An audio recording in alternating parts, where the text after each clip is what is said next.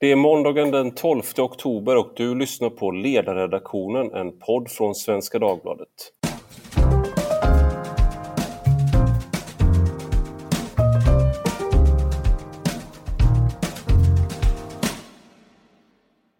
Jag heter Ivar Arpi och idag ska vi prata om gårdagens partiledardebatt i Agenda.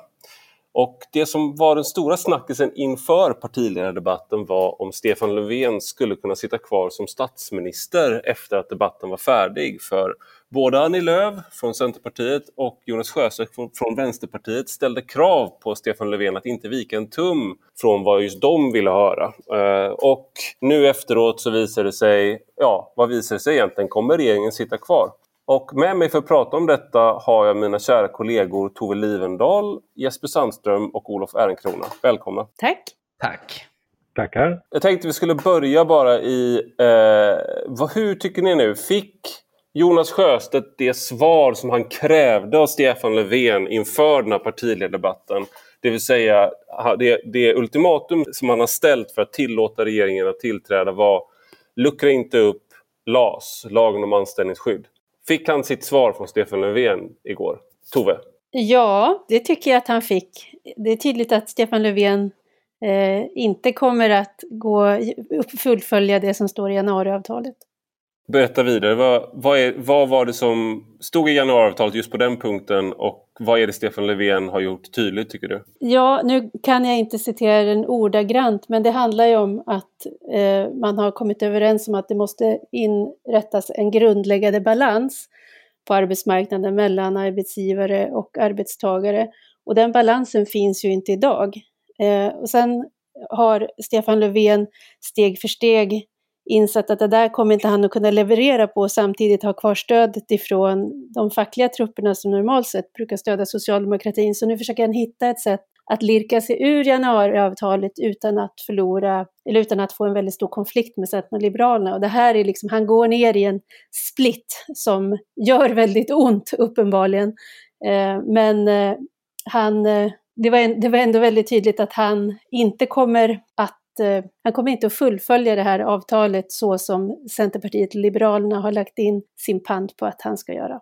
Olof, du skriver om det här till imorgon. Håller du med om Toves analys här av att eh, Stefan Löfven försöker trockla sig ur det ingångna avtalet med Centerpartiet och Liberalerna? Ja, absolut. Eh, det, han försöker smita ut bakvägen, helt enkelt. Eh, avtalet är väldigt klart på den punkten att utredningens förslag ska genomföras om parterna inte kommer överens. Men så finns det också en formulering om att det ska, att det ska vara balans. Ett balanserat, ja, ett balanserat resultat. Eh, och det kan man ju tolka hur som helst och det är det som Löfven gör nu. Eh, det är the backdoor som gäller. Jag tänker en, en sak som ändå blev... Eh, jag, jag är inte någon som röstar på Vänsterpartiet i vardags men Jonas Sjöstedt är ju väldigt skarp i den här typen av situationer. Han känns ofta genuin eh, och han är snabbtänkt och han har ju åtminstone den tydliga, en tydlig position i att eh, kunde man tänka sig att han, om man luckrar upp LAS så fäller de regeringen. Eh, och han är ju liksom, han, har ju, han använder ju så att säga hela den, vad man kan tänka, eh, vänstervreden inom socialdemokratin mot Stefan Löfven. Eh, och säger liksom att ja, eh, hur kan ni ens tänka på att sälja ut det här till Centerpartiet och Liberalerna? Vet ni inte vilka ni är? Vi vet vilka ni är och vi tänker bli de ni en gång var. Vilket är det här Nooshi Dadgostar som kommer ta över efter honom också är inne på. Eh, och, och, jag tänker Jesper, liksom, hur, ska man hur ska man förstå att människor verkar tycka eh, så att människor tyckte att Jonas Sjöstedt vann den här debatten eh, om man kollar på de här liksom, undersökningarna av honom. Alltså, Ja, men alltså, det, det, är inte så konstigt för att precis som du säger, du är ingen vänsterpartist. Det är inte jag heller. Eh, jag tycker ändå att Jonas Sjöstedt var, var den som vann debatten just därför att det är han som på något vis kommunicerar på eh, det mest förtroendefulla sättet. Det är han som inte gör avkall på sina värderingar Eh, det, det, är han som liksom kan, kan tala med patos och, och visa att han är någon att, att lita på. I, I, allt från ja, men det, då han, det han står för i sak, men också hur han framstår som person. För att det är ju ett, det är ett problem liksom, när, när de skulle debattera Last och han och Annie Lööf så, så står Jonas Sjöstedt och ser liksom befogat bekymrad ut och, och pratar om hur den här rovgiriga högern ska slå sönder eh, det svenska anställningsskyddet, vilket ju naturligtvis inte är vad det handlar om. Det är en grov, en grov överdrift. Men när Annie Lööf då ska, ska bemöta det så står hon snarast och hånler och talar väldigt avfärdande till Sjöstedt. Inte på ett sätt som liksom inte, tror jag, övertygar någon som inte redan håller med henne från första början. Det där, det där är någonting som jag, jag lite eh, blandar blanda in mig själv här, men det där är någonting som man ibland man kan få en sån här om man, om man sitter i soffan själv eh, och kollar på någonting med någon som man vet håller med en, till exempel en fru eh, eller en respektive. Sådär. Eh, så kan man ju ha den där liksom att man sitter och, och skrattar, man tycker att man är så förträffliga tillsammans jämfört med ja. dem man ser på TV. Ja. Men det är väldigt farligt att tro att man kan ta med sig det in i en offentlig debatt för att de flesta tycker ju inte som man själv gör trots allt i regel. Nej, nej, nej men och jag höll på att säga även de som redan tycker som man själv gör eh, blir väl inte särskilt tilltalade av ett argument som förs fram på ett sådant sätt. Lite, lite lätt hånleende och, och avfärdande. För att jag menar, jag håller ju i sak med eh, Annie Lööf betydligt mer än Sjöstedt, men jag tycker ändå att Sjöstedt är den som kommunicerar på ett mer förtroendeingivande sätt. Jag tänkte Tove, i sak då, vem, alltså varför, eh, varför är inte de som vill talar för den här förändringen, för det här avtalet som ligger på bordet, eh, varför är man inte, vad, vad, borde de säga egentligen för att argumentera för det här? Alltså, det, det, känns, just nu så känns det som att det inte riktigt kommer fram, den sidan av, alltså, av avtalets fördelar. Eh, nej, det är väl för att det, hemligheten ligger ändå i att hitta en vettig tolkning av det här ordet balans. Eh, vi har inte det nu därför att politikerna gick in och lagstiftade på 70-talet och eh, kraschade den grundläggande balans som ska finnas.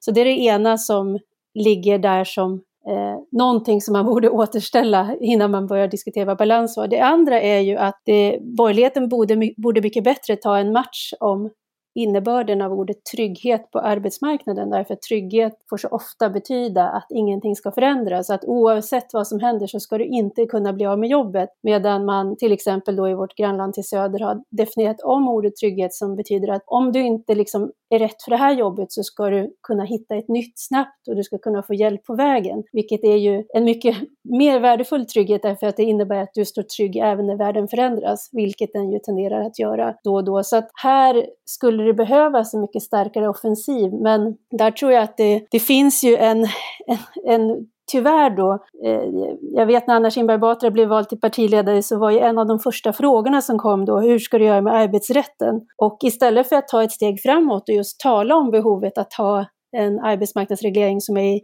i som är modern och som tjänar oss väl nu, inte bara det att den vilar på gamla lagrar, så var det liksom direkt att säga nej, nej, vi, det här har tjänat oss väl och vi ska vara rädda om den svenska modellen. Så där finns ju ett ogjort arbete skulle jag säga som gör att eh, man kanske blir tystare än vad man borde vara. Jag tänker också att det finns... Eh, jag, jag, tänkte också på det exemplet som SVT tog. Var det Leif, 58, som eh, har jobbat 30, 30 år? Jag jobbade i Danmark i några år med klassiska liksom, arbetarklassyrken när jag pluggade i 20-årsåldern. Det som slog mig då, för jag gjort, gjorde samma sak i Sverige, jag jobbade på lager och fabriker och sånt där och sanering och massa sånt där. Eh, då kunde jag ju jämföra Sverige och Danmark i de här eh, arbetena. Det är min högst ovetenskapliga fallstudie här med bara mig själv som exempel. Men att det var väldigt många som just bytte mellan de här jobben och liksom sa upp sig efter några år och började på något nytt och ville och kasta om. Medan i Sverige så fanns det just ganska många Leif 58 som har arbetat 30 år på ett lager eller en fabrik och att man då har det här locked in syndrom heter det inte va? men att man eh, på grund av att man blir det här sist, sist in först ut så eh, vågar man inte byta jobb heller när du väl har jobbat i 20 år på ett ställe för då har du en trygg, upparbetad trygghet och skulle du sadla om till någonting så har du inte samma trygghet. Så att den här tryggheten är, är liksom tvegar. Men jag, jag, måste ärligt säga att jag tycker inte att det riktigt har framkommit de senaste debatterna om det här. Jag tycker liksom att man tar för givet att alla är med på vad det här är medan Jonas Sjöstedt, eh, han låter ju som de svagas beskyddare när det egentligen på många sätt kan vara precis tvärtom. Sen får vi inte heller, det som nästan heller aldrig tas upp och som också borde diskuteras, det är ju att det som händer när människor inte kommer till sin rätt på sitt jobb är att de vantrivs och vantrivsel på jobbet föder ohälsa av olika slag. Vi har ju sjukskrivningstal i Sverige. Det har påtalats, nu minns jag inte vilket, om det var Vision, det var någon som lät göra en, något av fackförbunden som lät göra en ganska stor undersökning där man försökte titta på just sjukskrivningar, hur många sjukskrivningar som beror på att du egentligen är kvar i en anställning där du inte trivs. Så den effekten blir ju också av att människor stannar kvar på jobb just av det skälet som du säger. Det är kostsamt på alla sätt, men framförallt är det ju otroligt slöseri med humankapital. Mm. Men jag menar, det är väl lite så här som du sa om, om just Anna Kinberg Batra, men, men även andra högerpolitiker, att ofta i den svenska debatten så blir det så att sossarnas lösning på saker och ting, den utgör norm och även högern låter lite grann som om allt som avviker från sossarnas norm, det är lite läskigt, det är lite farligt, det ska vi helst inte prata om. Man, man vågar inte på ett förtroendefullt eh, sätt prata om att det hade kunnat se annorlunda ut och ändå vara minst lika tryggt, om inte ännu mycket tryggare och bättre för arbetstagarna. Jag tänker Olof, eh, du som har eh, varit med ett tag eh, och inom borgerligheten. Hur på, kollar man bakåt så, så kan man väl ändå säga att styrkeförhållandena mellan den svenska vänstern och den svenska högern ganska ofta under svensk 1900-talshistoria har varit till vänsterns fördel. Men just nu så är vi alltså i en situation där Socialdemokraterna har ingått ett avtal med eh, Centerpartiet och Liberalerna om att genomföra en eh, förändring av LAS som Alliansen inte mäktade med att genomföra och Anna Kinberg Batra inte mäktade med att föreslå. Eh, så hur ser, befinner vi oss i liksom upp och nervända världen här? Alltså hur ser styrkor, För, för å ena sidan så har vi då en socialdemokratiskt ledd regering, men höger som ska genomföra, som har ingått avtal på att genomföra eh, någonting som högerregeringen inte klarat av. Hur ser, hur ser styrkeförhållandena ut egentligen i svensk politik idag, skulle du säga? Alltså det är ju en ödesironi att en LAS som eh, ursprunget till dagens LAS eh, var ett folkparti projekt från 70-talet. Det var landade i de här Åmanlagarna som Moderaterna då var emot eh, och som egentligen också stred lite mot den grundläggande socialdemokratiska modellen som ju handlade om att man skulle byta jobb. Man skulle kunna avskeda, man skulle kunna vidareutbilda sig, och man skulle kunna gå in i nya, nya mer produktiva jobb. Det var ju liksom hela idén bakom ren Meidner-modellen och lönebildningsmodellen och solidariska lönepolitiken. Så att det här det är ju lite ironiskt nu att se hur Socialdemokraterna kämpar för att slippa genomföra Folkpartiets och Centerpartiets linje just nu i de här frågorna. Så att det är, men visst har det varit så att Socialdemokraterna i kraft av att vara ett 40 till 50 parti under så många år har varit den helt dominerande kraften när det gäller att problemformuleringar och följaktligen också lösningarna. Eh, men eh, det som nu har hänt är väl att Sjöstedt har parkerat sig på den eh, socialdemokratiska positionen från 70 och 80-talen. Säga nej till all modernisering av arbetslivet. Och Eh, det där har han ju med sig facket på. Det är klart, för att facket slåss ju för sin egen existens också. De, de eh, organiserar ju de som har jobb, men de organiserar ju inte de som står utanför arbetsmarknaden eller de som vill byta jobb och, och karriär. Men det har ju varit en enormt dramatisk förändring av den svenska arbetsmarknaden de senaste tio åren som ju inte har sin motsvarighet i arbetsrättsregleringen. Och, och, och det är ju det, den problematik vi ser nu. Ja, den ser vi ju inte minst inom tjänstesektorerna. Vi håller ju på att etablera ett förlagssystem på svensk arbetsmarknad där man sitter och jobbar hemma med uppdragsgivare och så. Eh, det, det var inte många som trodde det på 90-talet, att det skulle bli. Så det, du menar alltså att en, en lag från 70-talet inte kanske är lämpad för det, ett, ett, eh, det digitala och moderna arbetslivet vi har idag? Nej, nej, absolut inte. Jag startade själv ett företag eh, 94, ett av de första internetbaserade företagen i Sverige. Eh, och det var inte tal om att vi skulle anställa någon, utan vi, vi jobbade med enskilda uppdragstagare. Och det var en fantastisk modell. Vi hade inte en enda konflikt med någon av våra uppdragstagare under, under 12 år. Inte en. Alla levererade on time. Jag tänker en, vi ska gå vidare till eh, miljöfrågan för där var det ju också en duell mellan Jimmy Åkesson och Per Bolund. Och Eh, jag tror det var när vi hade morgonmöte i morse så var det du Olof som tog upp det här just att det är lite ironiska med att det var eh, Jimmy Åkesson som pratade om eh, det, globala hotet som klimatet innebär och, att insatser, vi måste tänka globalt om vi ska kunna möta det, klimathotet. Och han fick Per Bolund till att hamna i vad Susanna Silversköld här på ledarsidan har kallat för, han att framstå som en klimatnationalist tror jag det hon har använt som uttryck. Ehm, och du är inne på det i din ledare imorgon om eh, liksom hur, hur, hur, man hamnar i det där och att, eh, att det ironiska med att vi har ett eh, nu kallar de sig inte nationalistparti själva, men eh, helt klart nationalistiska böjelser. Eh, att de är de som pratar om det globala med klimathotet. Hur, hur hamnar man där i klimatfrågan egentligen?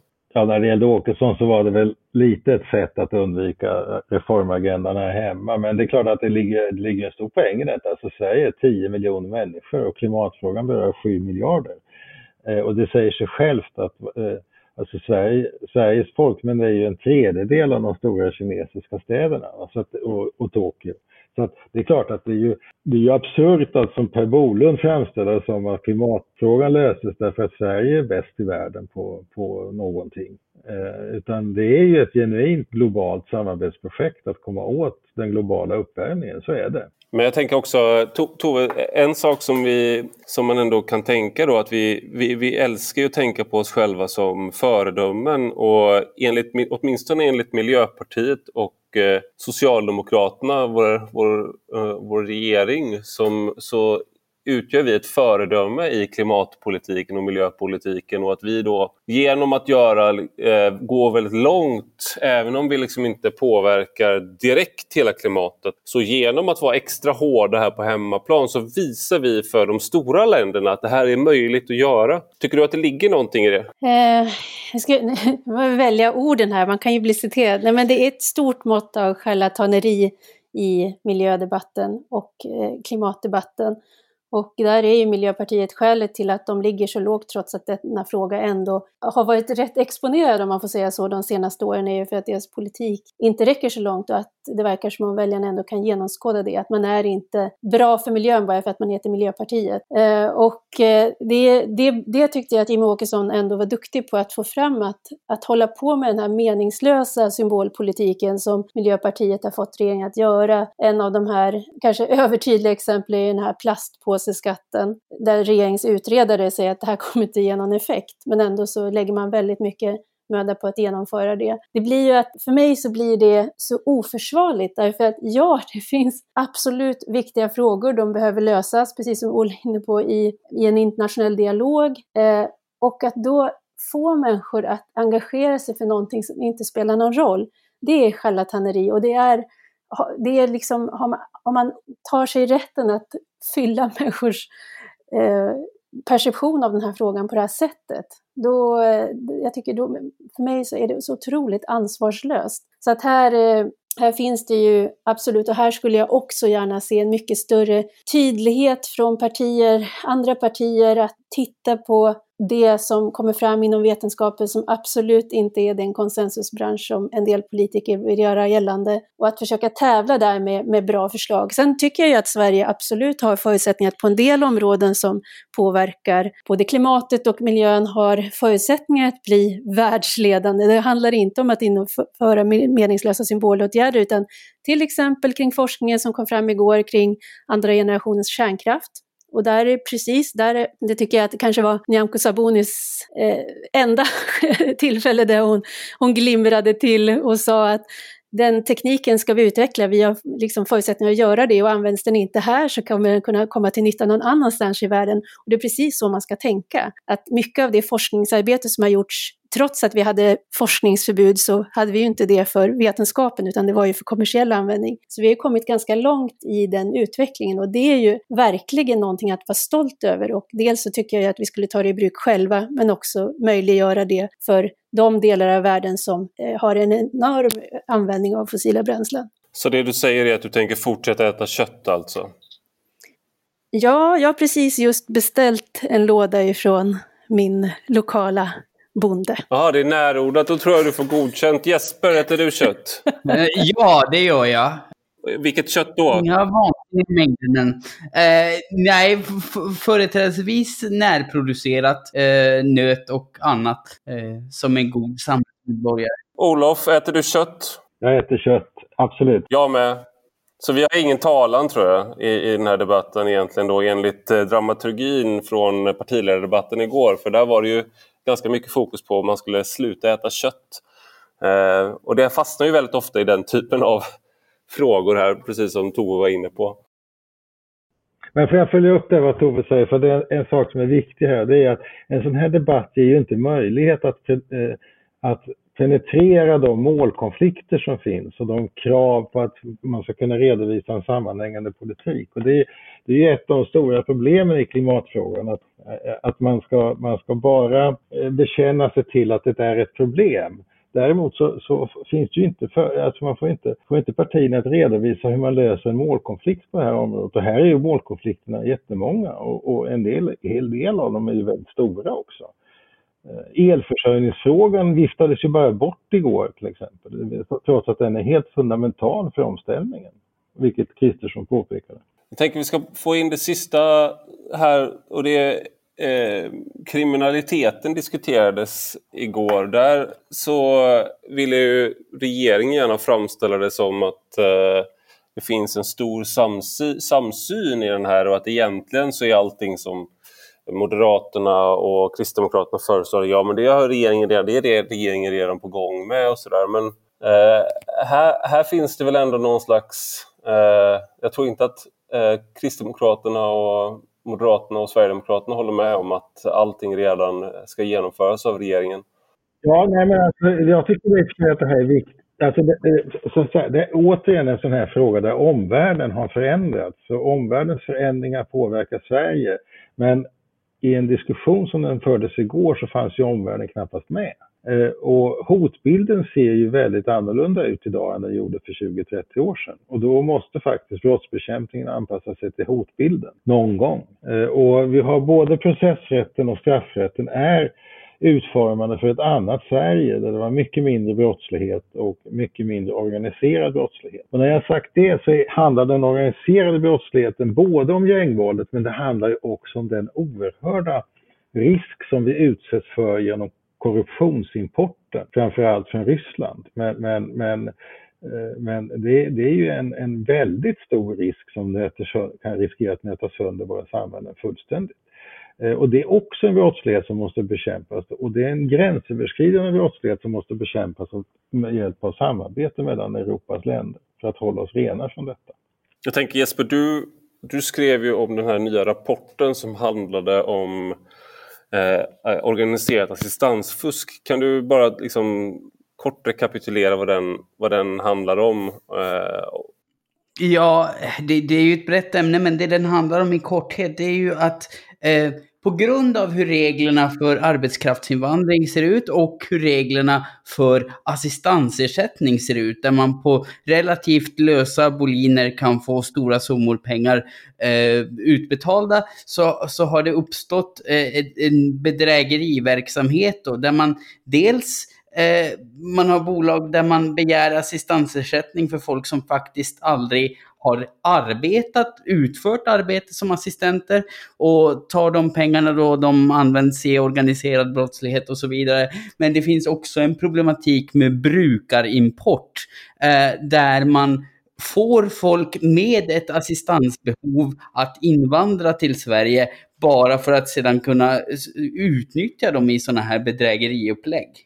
Just det, och det där är ju en, eh, ett exempel på det som Olof är inne på med att någonting som eh, helt klart hänger ihop med ett mer gränslö, en mer gränslös värld eh, där vi möter helt andra hot än, än vad vi har gjort för 30 år sedan. Mm, eh, och jag tänkte, vi, någonting som jag bara slående när vi har den här diskussionen det är att vi har sagt ganska, vi har inte sagt så mycket positivt om Annie Lööf och eh, Nyamko Sabuni. Är vi ett exempel då på att liksom alliansen, eh, att den är väldigt Eh, att, att det, ett, ett sånt framtida scenario är liksom beyond the pale nu nästan. Att det, det, är, det är kört för Alliansen. Jag tänker eftersom vi, vi kanske på något sätt är representativa för någon slags borgerlig attityd. Vad tror du Tove?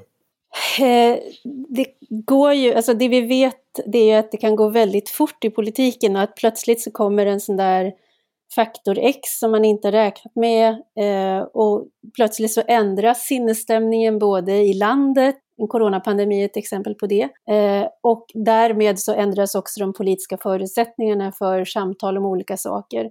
Sen kan man ju säga att i Sverige sitter det ju väldigt hårt. Jag tänkte hösten 2015 när vi hade den stora eh, mängden som kom till oss då, så tänkte jag, ja men nu är det momentum.